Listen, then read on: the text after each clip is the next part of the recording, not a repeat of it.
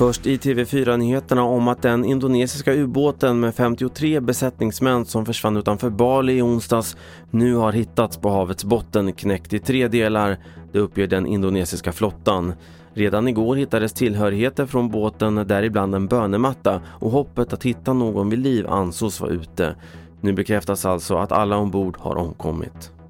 I Kungshamn i Sotenäs kommun har två personer förts till sjukhus efter att en brand brutit ut i källaren i ett flerfamiljshus nu under eftermiddagen, det skriver Expressen. Brandorsak och skadeläge är ännu okänt. Och sist om att Gislaveds kommun nu backar från det kritiserade beslutet om att dra in läsken på sina äldreboenden. Det rapporterar Aftonbladet.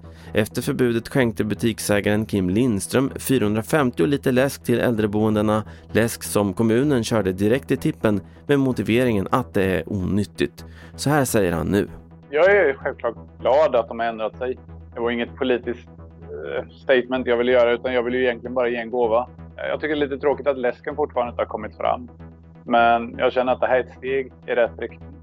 Och det avslutar senaste nytt från TV4 Nyheterna. Jag heter Carl-Oskar Alsen.